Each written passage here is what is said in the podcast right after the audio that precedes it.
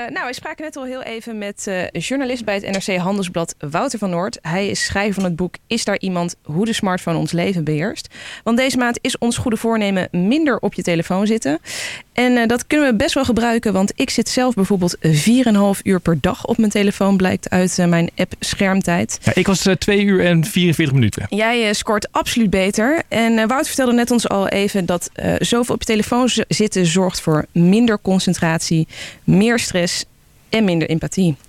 Wouter, vertel ons, wat kunnen wij hier aan doen? Wij willen dus deze maand aan de slag met ons goede voornemen. Heb jij tips? Ja. Waar kunnen wij mee aan de slag?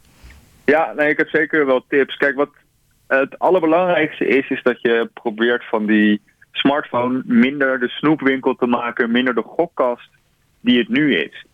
En dat kun je doen door hem gewoon expres zo saai mogelijk te maken. Door uh, pushberichten allemaal uit te zetten, ook die van hmm. WhatsApp. En dat klinkt zeker als het gaat om dingen, dingen als WhatsApp best wel als een heftige stap inderdaad. Maar dat werkt echt als een verlossing. Weet je, die pushberichten zijn uh, misschien wel de allerergste veroorzaker van die verslaving. Want die zorgen ervoor dat je de hele tijd iets te snoepen, te snacken hebt op die smartphone. Dus die moeten echt radicaal allemaal uit. Okay. Wat ook kan helpen is die apps, uh, nou ja, sowieso van sociale media. Uh, als je het aan kan, gewoon deinstalleren. Dus ja. Facebook eraf, Twitter eraf. Dan kan je er misschien nog steeds via de browser in. Maar dan is, het, bouw je in ieder geval een extra stapje in om uh, die verslaving wat minder te maken. Instagram, ik weet niet wat, je, wat ja, jouw Instagram en, en, YouTube, dat zijn wel de, de, de twee. De, poe, de, de, de poezenfilmpjes heeft ja, de poezenfilmpjes, de kattenfilmpjes, weet je waar je dan anderhalf uur lang mee bezig bent. Gooi ze eraf, want dat, zijn, dat zijn echt de aandachtslurpers en de verslaafmakers. Klinkt als een grote stap, maar als je het doet, dan uh, valt eigenlijk op hoe simpel het is. Mhm. Je, je, je ademt gewoon door als je uh, geen Instagram meer op je, op je telefoon hebt. Uh, nog een ander trucje, de, de blauwe vinkjes in WhatsApp. Ja. Die zitten er natuurlijk niet alleen maar omdat het heel handig is om te weten of iemand een berichtje heeft gelezen, maar ook om jou de hele tijd terug te lokken en een soort van sociale druk te creëren bij mensen die WhatsApp te gebruiken om zoveel mogelijk terug te komen. Zet, die kun je gewoon uitzetten. Dus daar kan je ook in het instellingenmenu zorgen dat je al dat soort trucjes en dingetjes om jou terug te lokken uitband uit dat ding. Um, wat bij mij heel erg helpt is uh, geen telefoon in mijn slaapkamer. Oh, Onze slaapkamer is echt strikt smartphoneloos gebied. Mm -hmm. uh, en daar houden we ons echt goed aan.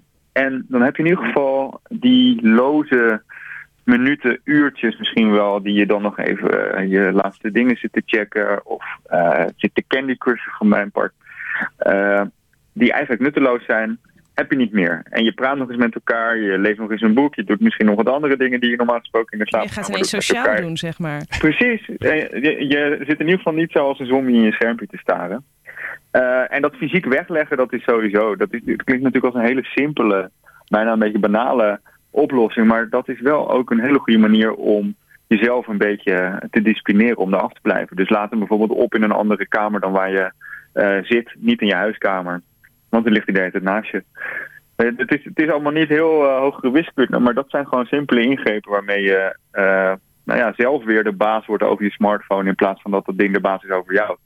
Nou, ik vind het wel goede tips. Je kan wel mee aan de slag. Maar dan moet, ik, dan moet ik dus een, een, nieuwe wekker kopen. Want die, mijn telefoon is ook op mijn wekker. En als ik dan geen ja. telefoon in mijn slaapkamer mag hebben... Maar heel twee die, die, kan, die, kan, je overal kopen voor een tientje. Hè? Ja, Oké. Okay. Uh, dat wist ik helemaal niet. Ik, ik, nee, maar jij bent ook niet een heel ernstig geval als ik jou zou horen met 2,5 uur. Nee. nee. Bij, me, bij mezelf. Ik ben en als ik, als ik deze reden hoor, dan uh, kan zij misschien nog wel een beetje hulp gebruiken. Ja. En weet je, ik heb, ik heb bijvoorbeeld ook wat andere trucs. Ik heb uh, sinds een tijdje weer een papieren agenda.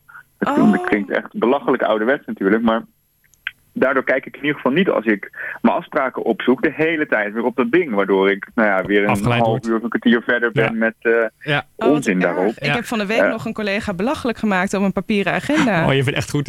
Oh, ik moet, nu, ik moet dit nu echt terug gaan nemen morgen. Dat ik dan zeg, ik Nee, ga er ook dat- een we- kopen.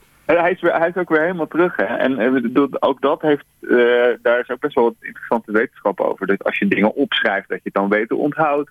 Eh, een papieren overzicht, zeker als het een wat grotere agenda is, geeft ook letterlijk wat meer overzicht dan een appje waar die dingetjes in een rijtje onder elkaar staan. Dus er zijn hele grote voordelen aan zo'n papieren agenda. En als klap op de vuurpijl hoef je dan ook nog minder op je smartphone te zitten. Nou, wat een goede tip. Dit is, ja, ik, eh, hier kunnen wij wel mee aan de slag, uh, toch Koen? Ja, volgens mij wel. Dan heb je nog, nog, nog één kleine vraagje. Dat zei ik net ook al. Um, er zijn natuurlijk heel veel mensen die zeggen, ja, het valt wel mee bij mij. Ik vind bij mij is het niet zo erg. Het zijn vaak de mensen die het meest, meest, verslaafd zijn. Uh, ja.